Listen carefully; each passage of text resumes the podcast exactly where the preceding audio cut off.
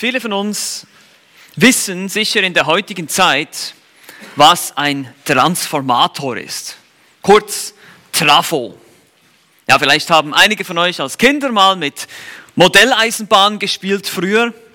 Und ihr wisst, diese Modelleisenbahnen, die funktionieren mit Strom. Nun, wir können aber diese kleine Modelleisenbahn nicht einfach an 220 Volt anschließen, weil sonst würde das Ding wahrscheinlich uns um die Ohren fliegen, sondern wir brauchen einen Trafo, einen Transformator, der diese Spannung reduziert auf, weiß ich genau, was es war, glaube ich 12 Volt oder 16, irgend sowas. Auf jeden Fall eine kleinere Menge an Spannung. Und so gibt es auch, äh, überall gibt es solche Transformatoren, äh, sogar im ganz großen Stil, ähm, sogenannte Umspannwerke, die ebenfalls die Hochspannung, die über die Hochspannungsmasten kommt, herunter reduzieren auf 220 Volt, weil sonst würden wir, äh, würden unsere Häuser abbrennen, weil da so viel Spannung drauf wäre auf den Steckdosen. Also wenn wir die ganze Wucht der Spannung abkriegen würden, würden wir es sozusagen nicht überleben. Genauso wie die Modelleisenbahn würde es ebenfalls nicht überleben. Und genau so verteilt der Heilige Geist seine Wirkungen in der Gemeinde. Begabungen und Kräfte. Er funktioniert sozusagen wie ein großer Trafo. Er selber ist die geballte unendliche Energie und er verteilt diese nach seinem eigenen Willen, gibt er befähigende Gaben aus, wie er will. Er teilt sie aus, sozusagen portionsweise. Jedem etwas anderes, jedem, jeder Gemeindeglied individuell besondere Gaben, eine besondere Zusammenstellung, eine Kombination von Gaben, die du spezifisch für deinen Dienst in der Gemeinde brauchst. Wie die Modelleisenbahn eben auch nicht die vollen 220 Volt, kriegst auch du nicht die volle Ladung ab. Aber genau das verstanden die Korinther nicht, offenbar. Sie dachten, sie könnten noch ein bisschen mehr Hochspannung erwarten in ihrer Gemeinde. Sie konzentrierten sich auf die sogenannten spektakulären Gaben, die Zeichen und Wundergaben, vor allem auch das Sprachenreden und machten eine riesige Show daraus.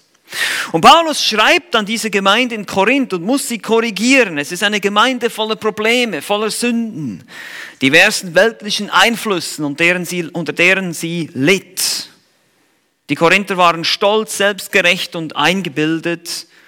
Sie stellten sich selbst dar und dachten, sie wären schon so geistlich, dass sie sozusagen jeder in seinem eigenen kleinen Millennium schon angekommen ist und herrscht über seine Umstände. Das war aber der Einfluss der griechischen Philosophie viel mehr als der des wahren Christentums. Sie waren fleischlich und unreif. Das lesen wir in 1. Korinther Kapitel 3. Und nun sind wir bereits im Kapitel 12 angekommen, wo Paulus nun auch noch ihren falschen Umgang mit den Geistesgaben anspricht. Nicht nur der falsche Umgang, sondern sogar das Tolerieren von gefälschten Gaben in der Gemeinde. Und wir haben gesehen, dass das auch nichts Neues ist. Etwas Ähnliches finden wir auch in der heutigen Zeit mit der pfingstcharismatischen Bewegung, die immer noch genauso populär ist und sich weiter ausbreitet in unseren Breitengraden. Und wir mussten uns zuerst mit ein paar einleitenden Fragen beschäftigen. Wir haben erstens gesehen, dass die Probleme damals mit den sogenannten Mysterienkulten oder Mysterienreligionen zusammenhingen, wo eine Ekstase, die höchste Form der Gemeinschaft mit einer Gottheit, also als höchste Form der Gemeinschaft mit der Gottheit verstanden wurde. Und dann haben wir Parallelen gezogen zu der heutigen pfingstlichen charismatischen Bewegung. Wir erkannten, dass die heutige pfingstcharismatische Bewegung seit ihren Anfängen ebenfalls auf Erfahrungen, auf übernatürlichen Erfahrungen aufbaut, anstatt auf gesunder Lehre. Wir haben die Widersprüche angeschaut, die es gab, schon ganz am Anfang unter den sogenannten Gründern der Pfingstbewegung, ähm, anfangs, also ja, 1900, 1906 bei der Azusa Street Erweckung. Die Anfänge dieser pfingstcharismatischen Bewegung sind bereits fragwürdig, voller Widersprüche, Skandale.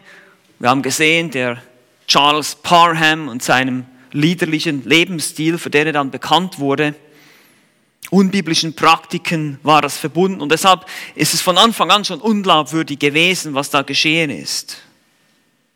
Und diese Leute lehren heute noch viele Dinge, die der Bibel direkt widersprechen, beispielsweise, dass es heute immer noch Apostel geben soll, obwohl wir genau gesehen haben, was die biblischen Kriterien für ein echter Apostel wäre, unter anderem, dass er Jesus während seines dreijährigen Dienstes hier auf Erden begleitet haben muss, um ein wahrer Apostel zu sein. Oder dass Jesus uns einfach reich und gesund machen will. Und solche Dinge werden erzählt. Wir haben dann gesehen, dass es aber auch noch eine weitere Problematik gibt heute, nämlich unter den Evangelikalen, dass sie sich zunehmend, dass sich der Evangelikalismus zunehmend öffnet für diese Bewegung. Und sogar jetzt versucht das anhand der Schrift zu begründen, warum wir uns öffnen sollen. Es gibt Gelehrte, und ich habe euch einige genannt, Wayne Grudem, die auch im Deutschen, also viele ihrer Werke werden auch ins Deutsche übersetzt, John Piper oder andere, deren Bücher wir lesen, die teilweise auch sehr gut sind, aber die doch sich für die Offenheit gegenüber diesen Gaben und Zeichen und Wundergaben aussprechen. Sie benutzen dazu eine neuartige Hermeneutik. Sie ändern die Regeln der Auslegung und nehmen vor allem die Bibelstellen aus der Apostelgeschichte, die eigentlich eine beschreibende Funktion haben, wie etwas damals geschehen ist, und machen sie normativ. Man sagt, so wie das damals war, muss es jetzt immer geschehen. Als wäre das zum Beispiel auch beim, bei der Spaltung des Roten Meeres der Fall. Dass wir das auch heute noch wiederholen, diese Dinge. Und wir haben gesehen, dass Geistesgaben umdefiniert werden. Zum Beispiel bei der Prophetie gibt es jetzt so etwas wie eine fehlbare Prophetie, eine Qualität, also qualitätsmäßig schlechtere Art der Prophetie, als es damals im Neuen Testament der Fall war. Und wir haben gesehen, dass die Bibel nur eine Art von wahrer Prophetie kennt, nämlich die, die auch eintrifft, die 100% Trefferquote hat und nicht eine, eine fehlbare Prophetie. Also unbiblische Ideen von Gaben werden verbreitet. Ebenfalls durch diese Gelehrten. Wir müssen auf der Hut sein und müssen die Geister unterscheiden. Das haben wir gesehen in 1. Johannes Kapitel 4, Verse 1 bis 8 haben wir schon verschiedene generelle Prinzipien angeschaut, wie wir eine Bewegung oder eine Gemeinde oder einen Lehrer prüfen können, ob dieses Werk wirklich vom Heiligen Geist ist oder nicht. Verherrlicht es Christus? Weist es auf das Wort Gottes hin?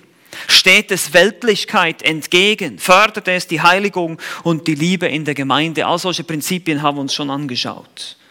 Diejenigen, die das nicht gehört haben, dürfen sich gern die entsprechenden Predigten vom Internet runterladen und anhören, können das jetzt hier nicht mehr im Einzelnen angehen. Wir können erkennen, ob es ein Werk des Heiligen Geistes ist oder ein Werk eines anderen Geistes. Und ich habe euch die letzten Male schon gesagt, dass Paulus auch hier im ersten Korintherbrief in Kapitel 12 bis 14 ein großes Argument gibt über den richtigen Umgang mit den Geistesgaben, aber auch, wie wir die falschen von den wahren Gaben unterscheiden können, was wahre Geistesgaben tatsächlich in der Gemeinde bewirken sollen. Und ich habe das immer wieder betont in den letzten Wochen, wo wir angefangen haben, uns mit diesem ganzen Thema zu beschäftigen, wie wichtig es ist, diesen Abschnitt als Ganzes zu verstehen. Kapitel 12, 13 und 14 im ersten Korintherbrief ist ein großes Argument, ein einzige Argumentation, die Paulus uns bringt. Und deshalb wollen wir das jetzt heute machen. Wir wollen diesen ganzen Abschnitt, ich möchte den Predigtext für heute lesen. Es ist, ja genau, 1. Korinther 12, Vers 1 bis 14, Vers 40. Wir werden jetzt die ganzen 84 Verse miteinander lesen und dann möchte ich euch einfach mal eine Vogelperspektive geben von diesem Text, damit wir eben wirklich genau das haben vor uns. Eine, eine Übersicht, den großen Bogen spannen können sozusagen. Weil, wie ich euch schon oft gesagt habe und das immer wieder sage, es gibt sehr, sehr viele Missverständnisse in diesem Text aufgrund der Missachtung des Kontextes. Dass man den Zusammenhang nicht versteht und eben auch nicht den Fluss des Arguments von Paulus. deshalb lasst uns jetzt diese Zeit nehmen heute Morgen und diese ganzen drei Kapitel gemeinsam lesen. Der Predigtext für heute, 1. Korinther Kapitel 12 bis und mit 14, 40. Was aber die geistlichen Gaben betrifft, Brüder, so will ich nicht, dass ihr unwissend seid. Ihr wisst, dass ihr, als ihr von den Nationen wart, zu den stummen Götzenbildern hingeführt wurdet, wie ihr irgend geleitet wurdet. Deshalb tue ich euch kund, dass niemand, der im Geist Gottes redet, sagt, verflucht sei Jesus. Und niemand sagen kann, Herr Jesus, als nur im Heiligen Geist. Es sind aber Verschiedenheiten von Gnadengaben, aber derselbe Geist. Und es sind Verschiedenheiten von Diensten und derselbe Herr. Und es sind Verschiedenheiten von Wirkungen, aber derselbe Gott, der alles in allem wirkt. Einem jeden aber wird die Offenbarung des Geistes zum Nutzen gegeben. Denn dem einen wird durch den Geist das Wort der Weisheit gegeben, einem anderen aber das Wort der Erkenntnis nach demselben Geist, einem anderen aber Glaube in demselben Geist, einem anderen aber Gnadengaben der Heilungen in demselben Geist, einem anderen aber Wunderwirkungen, einem anderen aber Weissagung, einem anderen aber Unterscheidungen der Geister, einem anderen aber Arten von Sprachen, einem anderen aber Auslegung der Sprachen. Dies alles aber wirkt ein und derselbe Geist einem jeden insbesondere aus austeilen, wie er will. Denn so wie der Leib einer ist und viele Glieder hat, alle Glieder des Leibes aber, obgleich viele, ein Leib sind, so auch der Christus. Denn auch in einem Geist sind wir alle zu einem Leib getauft worden, es seien Juden oder Griechen, es seien Sklaven oder Freie, und sind alle mit einem Geist getränkt worden. Denn auch der Leib ist nicht ein Glied, sondern viele. Wenn der Fuß spreche, weil ich nicht Hand bin, so bin ich nicht von dem Leib. Ist er deswegen nicht von dem Leib? Und wenn das Ohr spreche, weil ich nicht Auge bin, so bin ich nicht von dem Leib. Ist es deswegen nicht von dem Leib? Wenn der ganze Leib Auge wäre, wo wäre das Gehör? Wenn aber ganz Gehör, wo der Geruch? Wenn aber Gott die Glieder, äh, nun hat aber Gott die Glieder gesetzt, jedes einzelne von ihnen an dem Leib, wie es ihm gefallen hat. Wenn aber alle ein Glied wären, wo wäre der Leib? Nun aber sind der Glieder zwar viele, der Leib aber ist einer. Das Auge aber kann nicht zu der Hand sagen, ich brauche dich nicht. Oder wiederum das Haupt zu den Füßen, ich brauche euch nicht. Sondern vielmehr die Glieder des Leibes, die schwächer zu sein scheinen, sind notwendig. Die wir für die Unehren und des Leibes halten, diese umgeben wir mit reichlicherer Ehre. Und unsere Nichtanständigen haben desto reichlichere Wohlanständigkeit. Unsere Wohlanständigen aber benötigen es nicht. Aber Gott hat den Leib zusammengefügt, indem er dem Mangelhafteren reichliche Ehre gegeben hat, damit keine Spaltung in dem Leib sei, sondern die Glieder dieselbe Sorge füreinander hätten. Und wenn ein Glied leidet, so leiden alle Glieder mit. Oder wenn ein Glied verherrlicht wird, so freuen sich alle Glieder mit. Ihr aber seid Christi Leib und Glieder im Einzelnen. Und Gott hat einige in der Versammlung gesetzt. Erstens Apostel, zweitens Propheten, drittens Lehrer, dann Wunderkräfte, dann Gnadengaben der Heilungen, Hilfeleistungen, Regierungen, Arten von Sprachen. Sind etwa alle Apostel, alle Propheten, alle Lehrer? Haben alle Wunderkräfte? Haben alle Gnadengaben der Heilungen? Reden alle in Sprachen? Legen alle aus? Eifert aber nach den größeren Gnadengaben und einen noch weit vortrefflicheren Weg zeige ich euch. Wenn ich mit den Sprachen der Menschen und der Engel redete oder aber die Liebe nicht habe, so bin ich ein tönendes Erz geworden oder eine schallende Zimbel. Und wenn ich Weissagung habe und alle Geheimnisse und alle Erkenntnis weiß, und wenn ich allen Glauben habe, so dass ich Berge versetze, aber nicht Liebe habe, so bin ich nichts. Und wenn ich alle meine Habe zur Speisung der Armen austeile und wenn ich meinen Leib hingebe, damit ich verbrannt werde, aber nicht Liebe habe, so nützt es mir nichts. Die Liebe ist langmütig, ist gütig, die Liebe neidet nicht, die Liebe tut nicht groß, sie bläht sich nicht auf, sie gebärdet sich nicht unanständig, sie sucht nicht das ihre, sie lässt sich nicht erbittern, sie rechnet das Böse nicht zu, sie freut sich nicht über die Ungerechtigkeit, sondern sie freut sich mit der Wahrheit, sie erträgt alles, sie glaubt alles, sie hofft alles, sie erduldet alles. Die Liebe vergeht niemals. Seien es aber Weissagung, sie werden weggetan werden.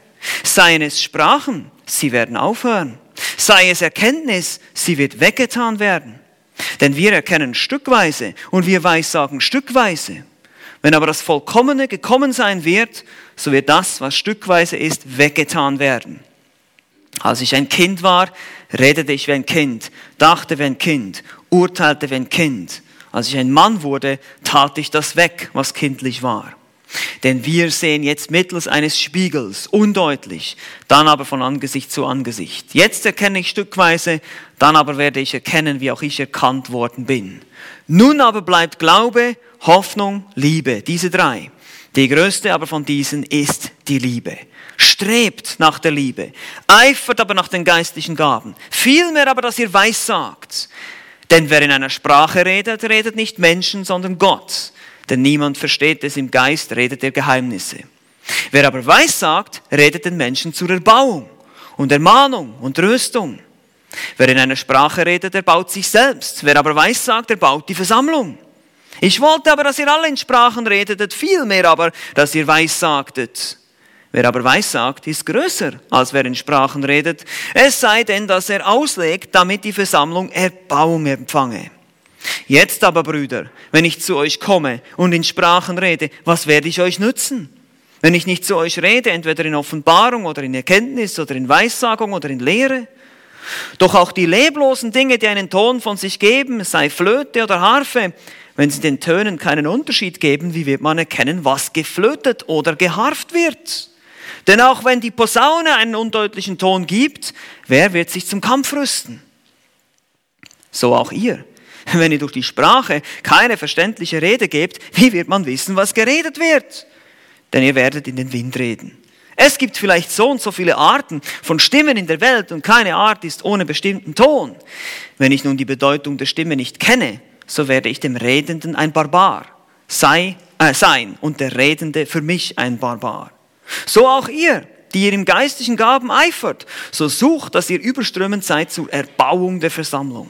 Darum, wer in einer Sprache redet, bete, dass er es auslege. Denn wenn ich in einer Sprache bete, so betet mein Geist, aber mein Verstand ist fruchtleer. Was ist es nun? Ich will beten mit dem Geist, ich will aber auch beten mit dem Verstand. Ich will Lob singen mit dem Geist, ich will aber auch Lob singen mit dem Verstand. Sonst, wenn du mit dem Geist preist, wie soll der, der die Stelle des Unkundigen einnimmt, das Amen sprechen zu deiner Danksagung, da er nicht weiß, was du sagst? Denn du sagst wohl gut, aber der andere wird nicht erbaut.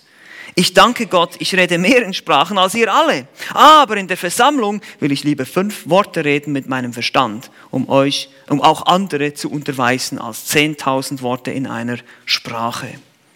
Brüder, werdet nicht Kinder am Verstand, sondern an der Bosheit seid Unmündige, am Verstand aber werdet Erwachsene. In dem Gesetz steht geschrieben, ich will in anderen Sprachen und durch andere Lippen zu diesem Volk reden, und auch so werden sie nicht auf mich hören, spricht der Herr. Daher sind die Sprachen zu einem Zeichen nicht den Glaubenden, sondern den Ungläubigen. Die Weissagung aber nicht den Ungläubigen, sondern den Glaubenden. Wenn nun die ganze Versammlung an einem Ort zusammenkommt und alle in Sprachen reden, es kommt aber ein Unkundiger oder Ungläubiger herein, werden sie nicht sagen, dass ihr von Sinnen seid? Wenn aber alle Weissagen und irgendein Ungläubiger oder Unkundiger kommt herein, so wird er von allen überführt, von allen beurteilt. Das Verborgene seines Herzens wird offenbar und so auf sein Angesicht fallend wird er Gott anbeten und verkündigen, dass Gott wirklich unter euch ist. Was ist es nun, Brüder? Wenn ihr zusammenkommt, so hat jeder von euch einen Psalm, eine Lehre, eine Offenbarung, eine Sprache, eine Auslegung, alles, aber geschieht zur Erbauung. Wenn nun jemand von einer, in einer Sprache redet, so sei es zwei oder höchstens drei und nacheinander und einer lege aus. Wenn aber kein Ausleger da ist, so schweige er in der Versammlung. Rede aber sich selbst zum Gott. Propheten aber lasst zwei oder drei reden und die anderen lasst urteilen. Wenn aber einen anderen, da, äh, einem, wenn aber einem anderen, der da sitzt, eine Offenbarung zuteil wird, so schweige der Erste. Denn ihr könnt einer nach dem anderen alle Weissagen, damit alle lernen und alle getröstet werden. Und die Geister der Propheten sind den Propheten untertan. Denn Gott ist nicht ein Gott der Unordnung, sondern des Friedens, wie in allen Versammlungen der Heiligen. Die Frauen sollen schweigen in den Versammlungen, denn es ist ihnen nicht erlaubt zu reden, sondern sie sollen sich unterordnen, wie auch das Gesetz sagt. Wenn sie aber etwas lernen wollen, so sollen sie daheim ihre eigenen Männer fragen, denn es ist schändlich für eine Frau in der Versammlung zu reden. Oder ist das Wort Gottes von euch ausgegangen oder ist es zu euch allein gelangt? Wenn jemand meint, ein Prophet zu sein oder geistlich, so erkenne er, dass das, was ich euch schreibe, ein Gebot des Herrn ist. Wenn aber jemand unwissend ist, so sei er unwissend.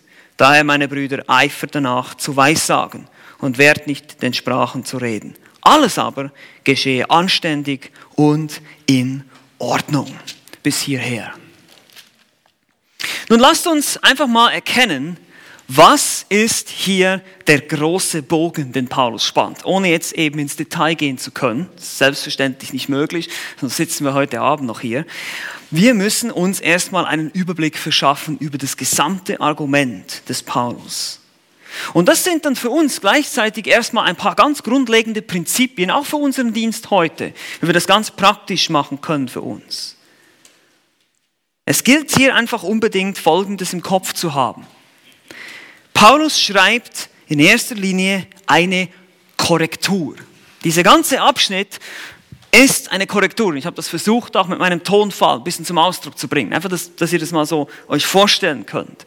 Das ist nicht einfach so ein, ein Brief, wo er sagt, ja, das ist alles toll, was ihr da macht, das ist wunderbar. Nein, das ist eine Korrektur. Er korrigiert ständig. Das macht ihr falsch. Das müsst ihr anders machen. Und das geht nicht. Und das funktioniert nicht bei euch. So und so, das merkt ihr, wie er durchgeht. Sagt, redet nicht alle durcheinander. Einer nach dem anderen. Wie er versucht, hier Ordnung reinzubringen.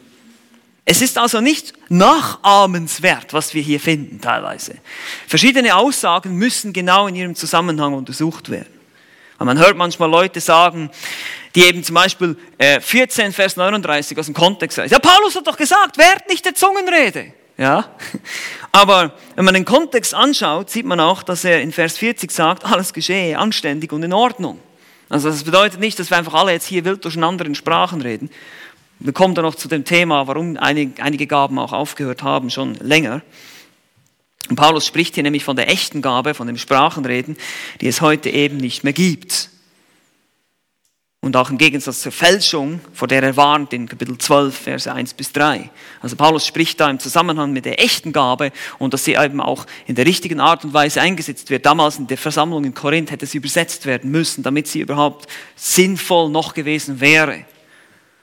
Und so müssen wir uns das gesamte Bild machen, einen, einen großen Bogen, eine Vogelperspektive bekommen. Und das wollen wir tun, indem wir uns heute vier Prinzipien anschauen, vier grundlegende Prinzipien, die Paulus in diesem gesamten Abschnitt immer wieder zeigt und die immer wieder so hervorkommen. Gaben und Diensten der Gemeinde, vier grundlegende Prinzipien. Und wir können auch sagen, vier grundlegende Prinzipien zu Gaben und Dienst in der Gemeinde. Einfach mal ganz, ganz grundlegend. Wo fangen wir an? Und das ist mit dieser Vogelperspektive. Vier grundlegende Prinzipien für Gaben und Dienst. Erstens, das erste Prinzip, was wir verstehen müssen, ist, Gott ist die Quelle. Ja, wir sehen das vor allem in Kapitel 12. In den Versen 1 bis 3 beginnt Paulus und erklärt die Einzigartigkeit der wahren Gaben gegenüber den gefälschten. Und er warnt davor, dass es Fälschungen gibt, auch unter den Korinthern, dämonische Wirkungen, denen sie sich geöffnet haben, offenbar. In Vers 3 gibt er den theologischen Test, dass eben der, nur der, der wahre Geist Gottes ist, der auch Christus als Herrn bekennt. In erster Linie geht es darum, dass die, der Geist eben niemals etwas wirken würde, was Christus nicht verherrlichen würde in der Gemeinde. Das erinnert uns auch schon wieder an 1. Johannes Kapitel 4, dieses Prinzip. Verherrlicht diese Wirkung, die wir da sehen, Christus, was immer es ist. Verherrlicht diese Wirkung wirklich Christus. Und Paulus setzt den genau gleichen Test an hier in Vers 3, in Kapitel 12. Und in den Versen 4 bis 11 fährt Paulus fort und zeigt, betont die Quelle der wahren Gaben. Das ist der wahre dreieinige Gott. In Kapitel 12, Vers 4 heißt es, es sind aber Verschiedenheiten von Gnadengaben, aber derselbe Geist. Es sind Verschiedenheiten von Diensten, derselbe Herr. Es sind Verschiedenheiten von Wirkungen, aber derselbe Gott. Und in Vers 11 sagte dann, und der Geist teilt aus, wie er will. Also es kommt aus Gott, er ist die Quelle, der wahre Gott ist die Quelle der Warengaben und er teilt aus, wie er will. Eben wir erinnern uns an den Trafo, den Transformator. Es gibt eine Vielfalt, aber es gibt trotzdem eine Einheit und das ist kein Widerspruch. Die Einheit basiert auf der Quelle, der Geist Gottes, der Sohn und der Vater. Übrigens, die Dreieinigkeit wird hier auch genannt in den Versen 4 bis 8. Und diese Einheit besteht auch aufgrund der Errettung, der Taufe im Geist. Das ist Vers 13. Vers 13 heißt es dann auch, in einem Geist sind wir alle zu einem Leib getauft worden. Es seien Juden oder Griechen, es seien Sklaven oder Freie, sind alle mit einem Geist getränkt worden. Hier sehen wir ganz klar, die Geistestaufe ist keine zweite Erfahrung, sondern das bezieht sich auf die Wiedergeburt. Wenn du Christus, wenn du Buße tust und Christus im Glauben annimmst, das ist der Moment, wo du mit dem Geist getauft wirst. Das ist der Moment, wo der Geist Gottes in dir wohnt und bleibt. Und das gilt für alle wahren Gläubigen. Darauf basiert die Einheit, aber die Vielfalt besteht dann darin, dass der Geist jeden Einzelnen individuell ausrüstet mit verschiedenen Gaben. Und das wollte Paulus deutlich machen, weil die Korinther haben das gegeneinander ausgespielt. Die dachten, dass die einen Gaben wichtiger sind als die anderen. Und deshalb diese ganzen Vergleiche mit dem Leib und mit den verschiedenen Körperteilen, Ohr, das Ohr kann nicht zum Auge sagen und so weiter und so fort. Die braucht alle einander. Ihr könnt nicht einfach denken, der Sprachenredner ist wichtiger als der, derjenige, der großen Glauben hat oder der ein Evangelist ist. Das könnt ihr nicht so machen. Könnt nicht solche Unterschiede machen. Und auch die weniger Wichtigen in der Gemeinde dürfen keine Opferrolle einnehmen und sagen, oh, ich habe nur die Gabe bekommen, die anderen sind viel begabter als ich. Auch das ist verkehrt. Und Paulus muss das, dieses falsche Denken erstmal korrigieren hier. Der Punkt ist, alle brauchen einander, um effektiv zu sein. Denn Christus sorgt sich um alle. Egal, welche Gabe du bekommen hast, du bist wichtig, du bist individuell und du hast eine ganz bestimmte Aufgabe im lokalen Leib Christi zu erfüllen mit dieser Gabe. Es gibt keine weniger wichtigen oder wichtigeren Gaben. Es gibt sehr wohl vielleicht spektakulärere nach außen hin, ja. Aber Paulus muss das ganz deutlich machen. Gott allein ist die Quelle. Und er hat Gaben gegeben, so wie er will. Es entspricht alles seinem Plan. Was sind da schon für praktische Anwendungen für uns drin, wenn wir uns das vergegenwärtigen? Gott allein ist die Quelle, es gibt Verschiedenheiten von Gaben, aber keiner ist wichtiger als der andere. Nun, erstens, hier kommen jetzt ein paar Anwendungspunkte für euch. Man kann Gaben nicht erlernen.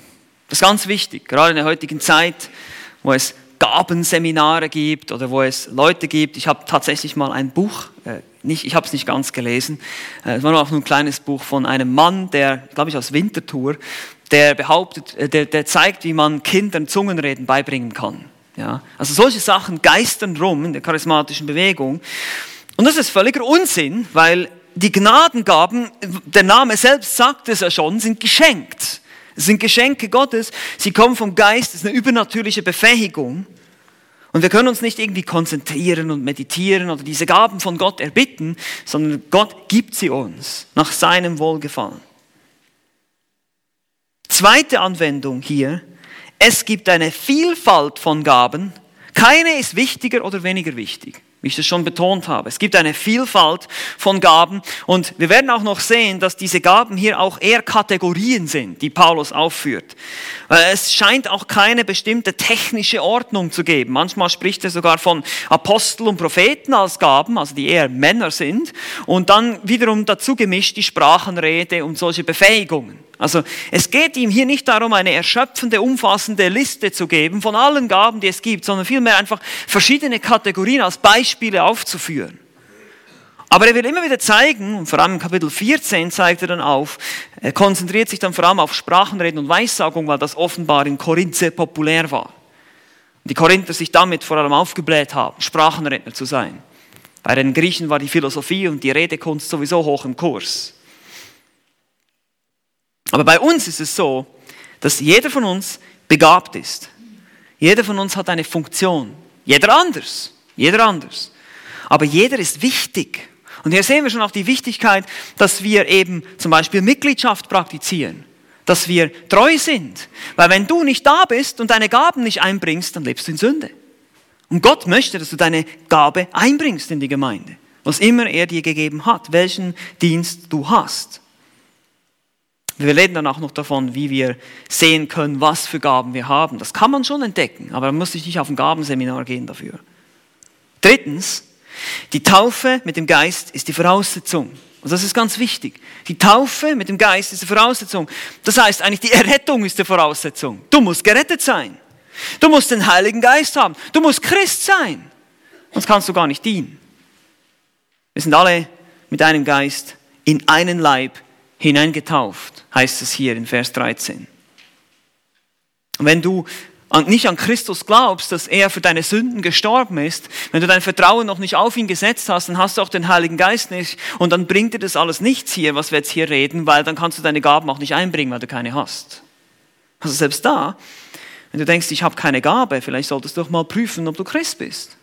Wenn es nichts gibt, wo du denkst, da kann ich mich einbringen, da habe ich irgendwie etwas, wo ich dienen kann, dann ist es vielleicht auch ein Hinweis darauf, dass ich mich prüfen sollte. Es bildet die Grundlage hier, die Taufe des Geistes. Und viertens, weitere Anwendung, die Taufe mit dem Geist ist die Grundlage der Einheit. Auch hier, wir können nur Einheit haben miteinander, wenn wir wirklich Gläubige sind. Wenn du wirklich Christ bist. Sonst, können wir keine, sonst haben wir keine Einheit. Weil die Einheit basiert auf diesem Geist, auf der Taufe des Geistes, dieses identifiziert sein mit Christus, dass ich wirklich zu ihm gehöre. Die Gemeinde in Korinth war gespalten, gerade weil sie alle im Rivalenkampf miteinander standen. Und das mit den Rednern, die sie verehrten, haben wir schon gesehen. Der eine war für Paulus, der andere für Apollos. Und wohl eben auch bestimmte Gaben wurden auf ein Podest gehoben und sagen, okay, das ist jetzt die Wicht, das ist die Gabe, die du haben musst. Zungenrede kommt uns ja bekannt vor, auch in einigen charismatischen Kreisen ist es eben so, dass es heißt, du musst erstmal mit, mit Zungen reden können, damit du geistlich bist und diese zweite Erfahrung brauchst du unbedingt, jeder muss in Zungen reden. Nein, das ist Blödsinn, steht da nicht. Im Gegenteil, Paulus korrigiert und sagt, nein, nicht jeder muss das machen. Es gibt verschiedene Gaben im Leib. Also, Gott allein ist die Quelle. Das war das erste grundlegende Prinzip, das wir hier sehen. Hütet euch vor Fälschungen, es ist nicht alles Gold, was glänzt. Und wir müssen die Dinge so verstehen, dass wir nicht, dass nicht der eine wichtiger ist als der andere. Es gibt zwar Verschiedenheiten von Begabungen, aber es gibt nur eine Quelle, Gott selbst, und er tut das, wie, er das will. Gott allein ist die Quelle. Das zweite Prinzip ist hier, die Liebe ist das Motiv. Die Liebe ist das Motiv. Schließlich kommt Paulus da auf die Liebe zu sprechen, Kapitel 13. Ja, dieses berühmte Kapitel, und sie ist, die Liebe ist der bessere, der vollkommenere Weg oder vortrefflichere Weg, der in Kapitel 12, Vers 31 angesprochen wird. Dieser vortrefflichere Weg, den sollen sie gehen im Umgang mit den Gaben. Deshalb, Liebe ist das Motiv. Warum, wieso ich Gaben einsetze. Es geht eben nicht darum, mich selber darzustellen, die Aufmerksamkeit auf mich zu lenken, wie toll ich doch bin mit meiner Sprachenrede. Das war das Problem in Korinth oder was auch immer ich für eine Gabe habe, selbst natürliche Gaben, zum Beispiel Musik machen, die werden ja oft kombiniert. Natürliche Gaben werden mit geistlichen Gaben kombiniert. Ja, da gibt es einen Unterschied. Ja, Musiker kann ich auch als Ungläubiger sein. Das ist keine Geistesgabe. Aber sie werden trotzdem eingesetzt und sie werden in Kombination mit einer Geistesgabe eingesetzt. Ein Musiker, der zum Beispiel auch Lehrer ist, schreibt dann Lieder mit theologischem Inhalt, die auch wirklich theologischen Inhalt haben. Nicht so wie manche Lieder heute. Und das, das sehen wir, wie Geistesgaben auch mit natürlichen Gaben zusammenwirken können. Aber das Grundmotiv muss immer die Liebe sein. Das macht Paulus deutlich. Das ist der bessere, der vortrefflichere Weg als den Weg, den die Korinther gegangen sind. Und deshalb spricht er dieses Thema Liebe überhaupt an. deshalb spricht es überhaupt an, weil die Korinther eben das nicht getan haben. Kapitel 13 schließt nahtlos an Kapitel 12 an. Ich habe das auch versucht in meiner Lesung so darzustellen. Es geht einfach nahtlos über. Ihr müsst diese Zahlen mal ein bisschen vergessen hier, 12 und 13. Das ist ein Argument. Paulus sagt auf, das sollte euer Motiv sein, warum ihr die Verschiedenheiten der Gaben nicht dazu benutzt, euch gegenseitig zu bekämpfen, sondern weil ihr einander liebt und weil jeder seine Gabe zum Wohl des anderen einsetzen soll.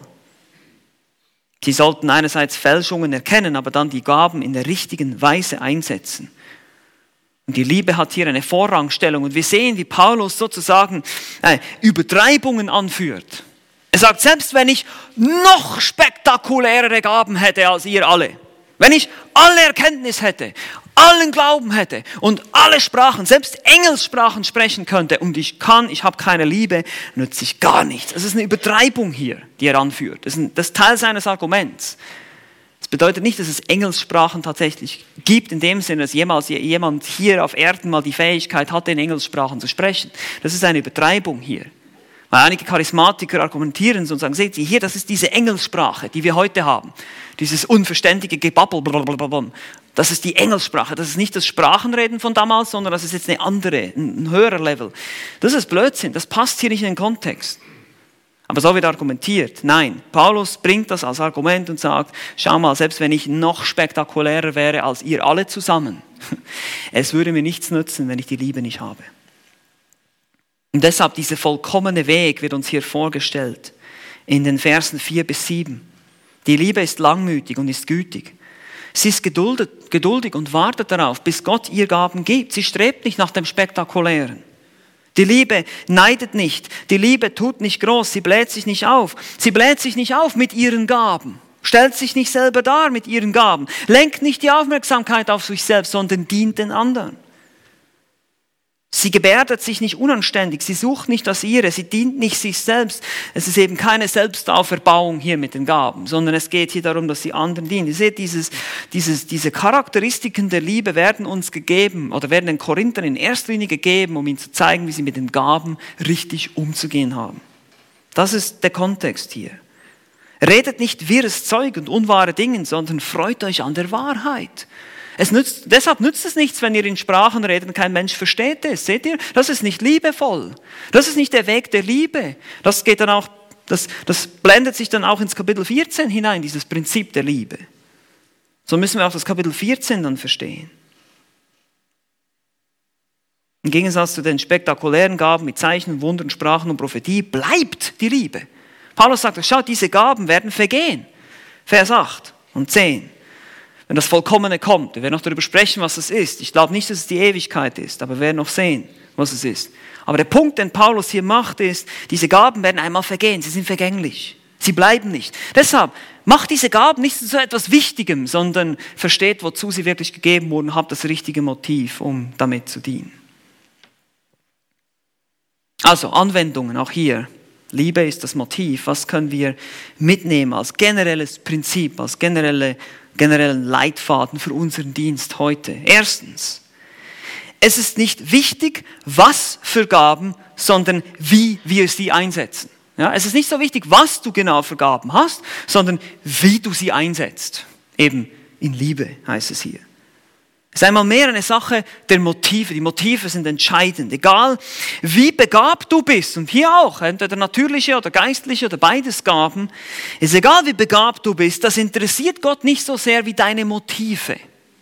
Ja, du, kannst, du kannst ein exzellenter Musiker sein und es kann trotzdem sein, dass Gott deine Musik nicht mag weil du es ein falsches Motiv tust, dein Dienst. Du kannst ein exzellenter Redner sein, du kannst ein exzellenter Diener sein, du kannst ein exzellenter Evangelist sein und das aus einem falschen Motiv heraus machen. Nur, dass du wieder allen zeigen kannst, wie viele Leute du jetzt evangelisiert hast. Darum geht es nicht.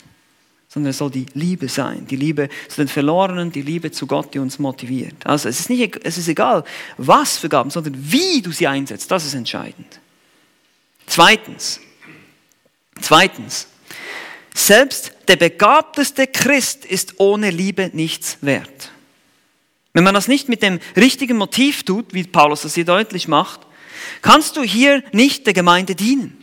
Das geht nicht. Dein Dienst wird fruchtleer bleiben. Alle mögen deine Gabe bewundern, sagen, ja, wie toll du bist. Aber es bringt nichts. Es ist nur Holz, Heu und Stroh, was gebaut wird. 1. Korinther 3 sehen wir, dass es nichts wert, es wird verbrennen im Preisgericht. Also, wie gesagt, das ist eine Ermutigung auch. Denke nicht, du bist nicht begabt. Das stimmt einfach nicht.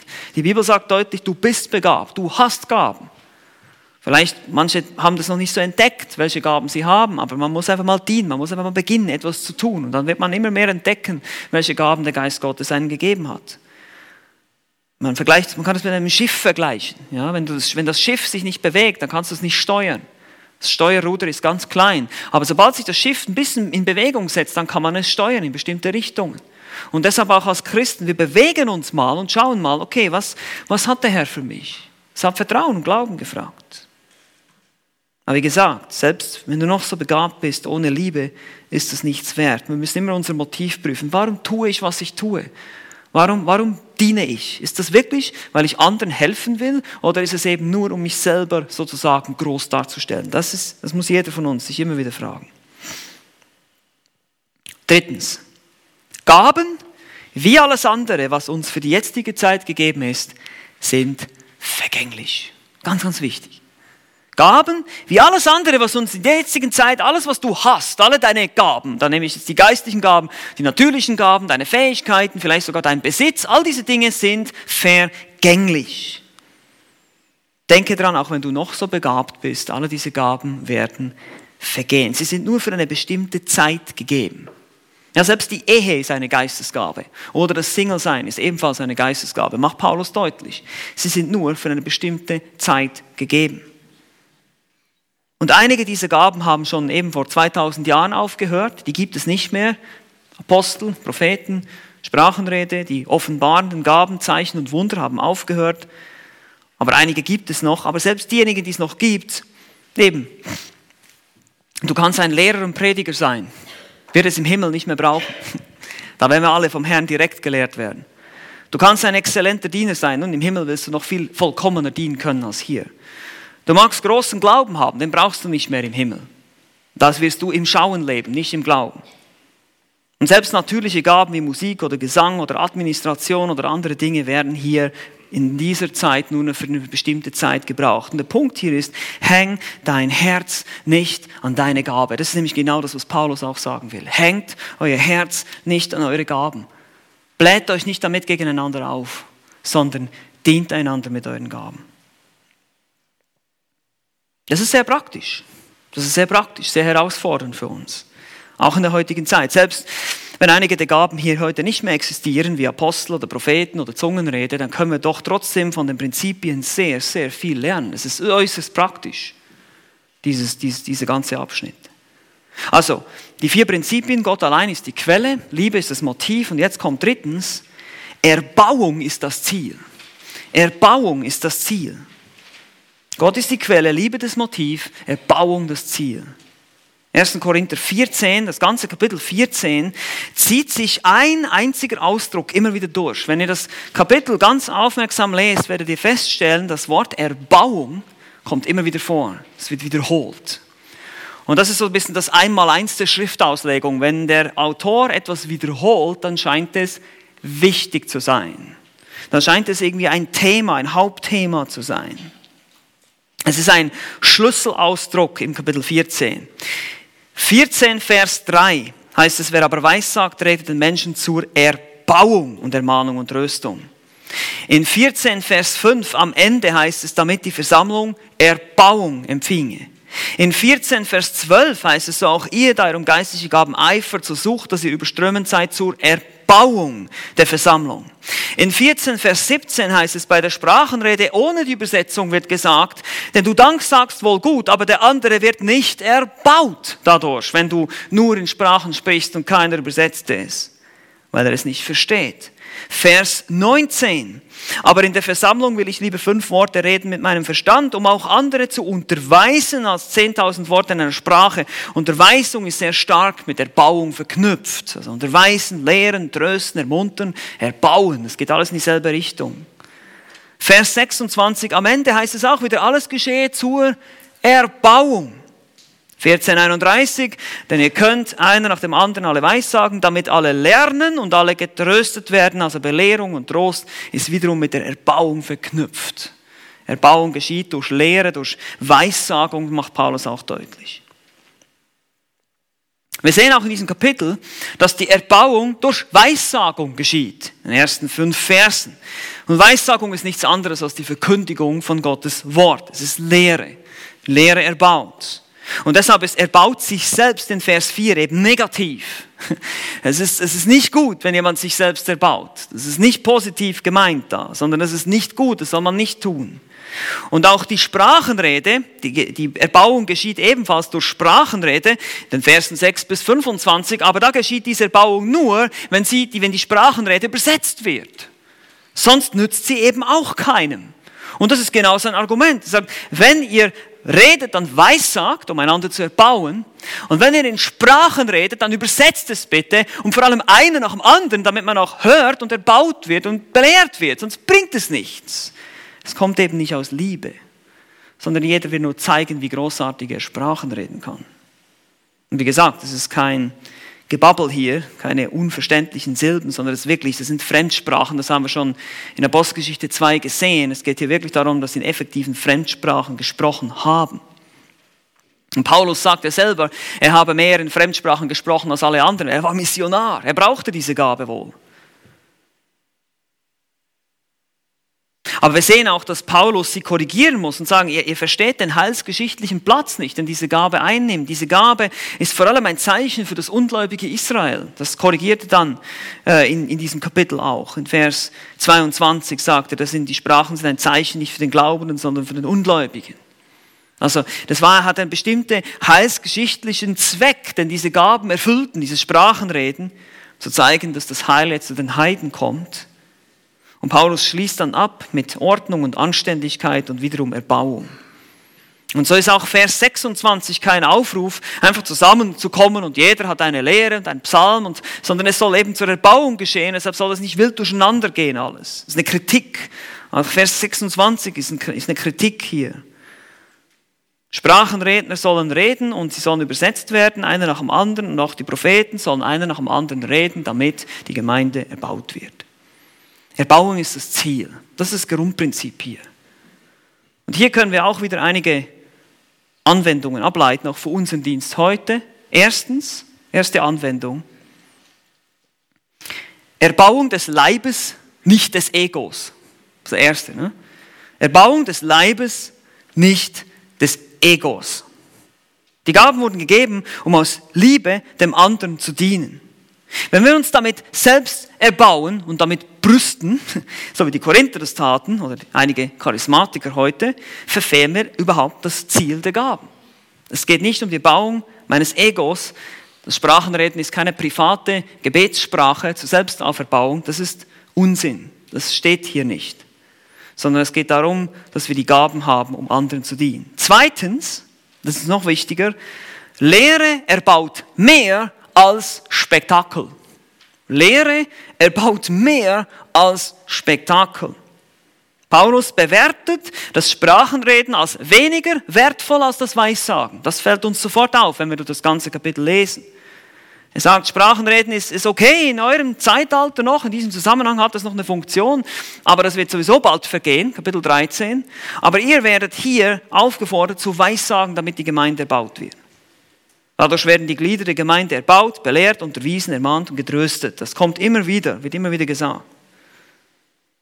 Und deshalb brauchte das Sprachenreden im Kontext der Korinther nur etwas, wenn es übersetzt werden würde. Weil diese Gabe eben für einen ganz anderen Zweck gegeben war, ursprünglich als ein Gerichtszeichen über die ungläubigen Juden. Und so erfüllte sie nur noch ihren Zweck, wenn sie besetzt wird und war sogar schon im Begriff abzuklingen. Das Wort aufhören in 13 Vers 8, man kann es auch mit abklingen übersetzen, in diesem Vers, wo er über die Sprache rede. Das ist interessant, er benutzt ein anderes Verb. Er sagt, die Weissagung werden weggetan, die Erkenntnis wird weggetan, aber Sprachen werden aufhören oder abklingen, wie von selbst irgendwie verschwinden. Ist die Idee hier, diesem Verb. Und vielleicht war das schon dabei, dieses Prinzip, weil Paulus gemerkt hat, dieses Zeichen war, hat einen bestimmten heilsgeschichtlichen Zweck eben für Israel und deshalb zitiert er auch das Alte Testament, wo Gott eben Gericht spricht über die Juden aus Jesaja und er sagt, das hat jetzt keinen Sinn mehr, wenn er es nicht übersetzt, dann, dann schweigt lieber. Erbauung ist das Ziel. Und somit kann ich mich auch fragen, will ich mit meiner Gabe eher ein Spektakel produzieren, Aufmerksamkeit, wie gesagt, auf mich lenken, oder will ich wirklich die Erbauung der anderen im, Blickfeld haben? Also vier Prinzipien.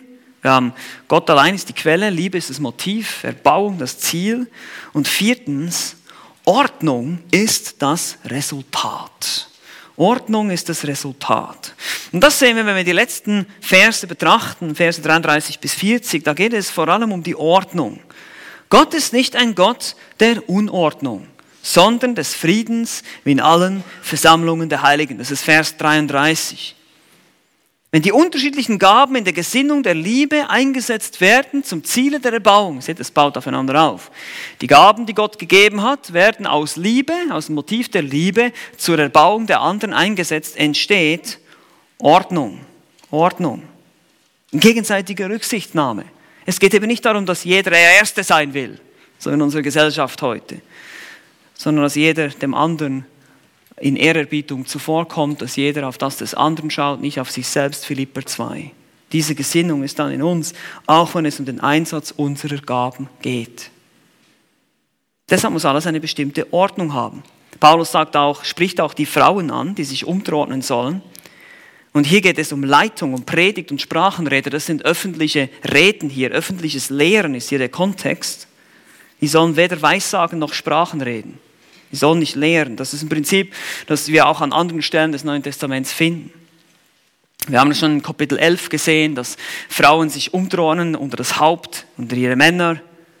Und hier ist eindeutig ein Lehrkontext. Also das Reden hier, das heißt, Frauen sollen schweigen, sie sollen nicht reden. Dann bedeutet das im Sinne von lehren, predigen oder eben damals auch Sprachenrede war auch damit gemeint, ist der eindeutige Zusammenhang hier. Nicht ein allgemeines Redeverbot. Ja, das ist nicht damit gemeint. Nur, dass wir uns da richtig verstehen. Auch hier, seht ihr, der Kontext ist so entscheidend wichtig. Der Kontext ist entscheidend wichtig. Und es ist auch interessant anzumerken, dass in vielen Mysterienkulten damals Frauen Priesterinnen eine wichtige Rolle gespielt haben und auch in der heutigen Zeit, in der charismatischen Bewegung, oft Frauen sehr populär, sehr ähm, eine führende Rolle haben, wenn es um eben Zungenrede geht oder Sprachen oder Prophetie, oder Prophetie und solche Dinge. Es ist ganz interessant, diese Parallelen immer wieder zu sehen. Und Paulus sagt, nein, Frauen sollen das nicht tun, sie sollen ihre Männer fragen, heißt es hier. So wurden wohl auch in der Gemeinde in Korinth Frauen zu führenden Personen, eben wie das aus ihren Heidenkulten bekannt war. Und die haben wohl sogar die, die Sache noch angeführt mit dem Sprachenreden und der Prophetie in der Gemeinde, dem ganzen Chaos. Und auch in der Kirchengeschichte finden wir Beispiele, ich habe euch die Montanisten bereits erwähnt, im zweiten Jahrhundert, wo ebenfalls zwei Prophetinnen sehr instrumental waren. Also hier gibt es auch bestimmte Muster, wo eben Ordnungen Gottes immer wieder missachtet werden und dadurch entstehen dann viele falsche Lehren und Unordnungen. Der Punkt wird am Ende deutlich in Vers 40, wo es wieder heißt, alles aber geschehe anständig und in Ordnung. Ordnung und Anstand werden das Resultat sein, wenn die Gaben in dieser Art und Weise eingesetzt werden. Und hierzu auch noch eine Anwendung, nur noch eine. Noch eine. Eine wichtige. Ordnung und Friede und Harmonie sollte das Resultat sein, wenn wahre Geistesgaben eingesetzt werden. Nochmal, Ordnung, Friede und Harmonie sollten das Resultat sein, wenn wahre Geistesgaben eingesetzt werden. Und hier sehen wir schon den großen Kontrast ja, zu sehr vielen sogenannten charismatischen Gottesdiensten. Das fliegt dem sozusagen entgegen, das ist diametral entgegengestellt gegen dem, was gewisse Leute heute machen.